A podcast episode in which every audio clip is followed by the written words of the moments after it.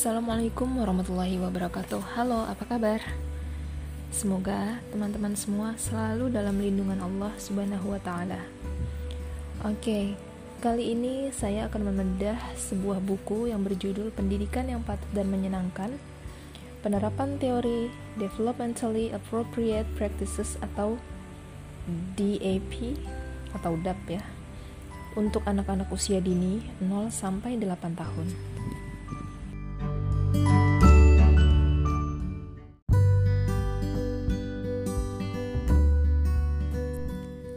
但是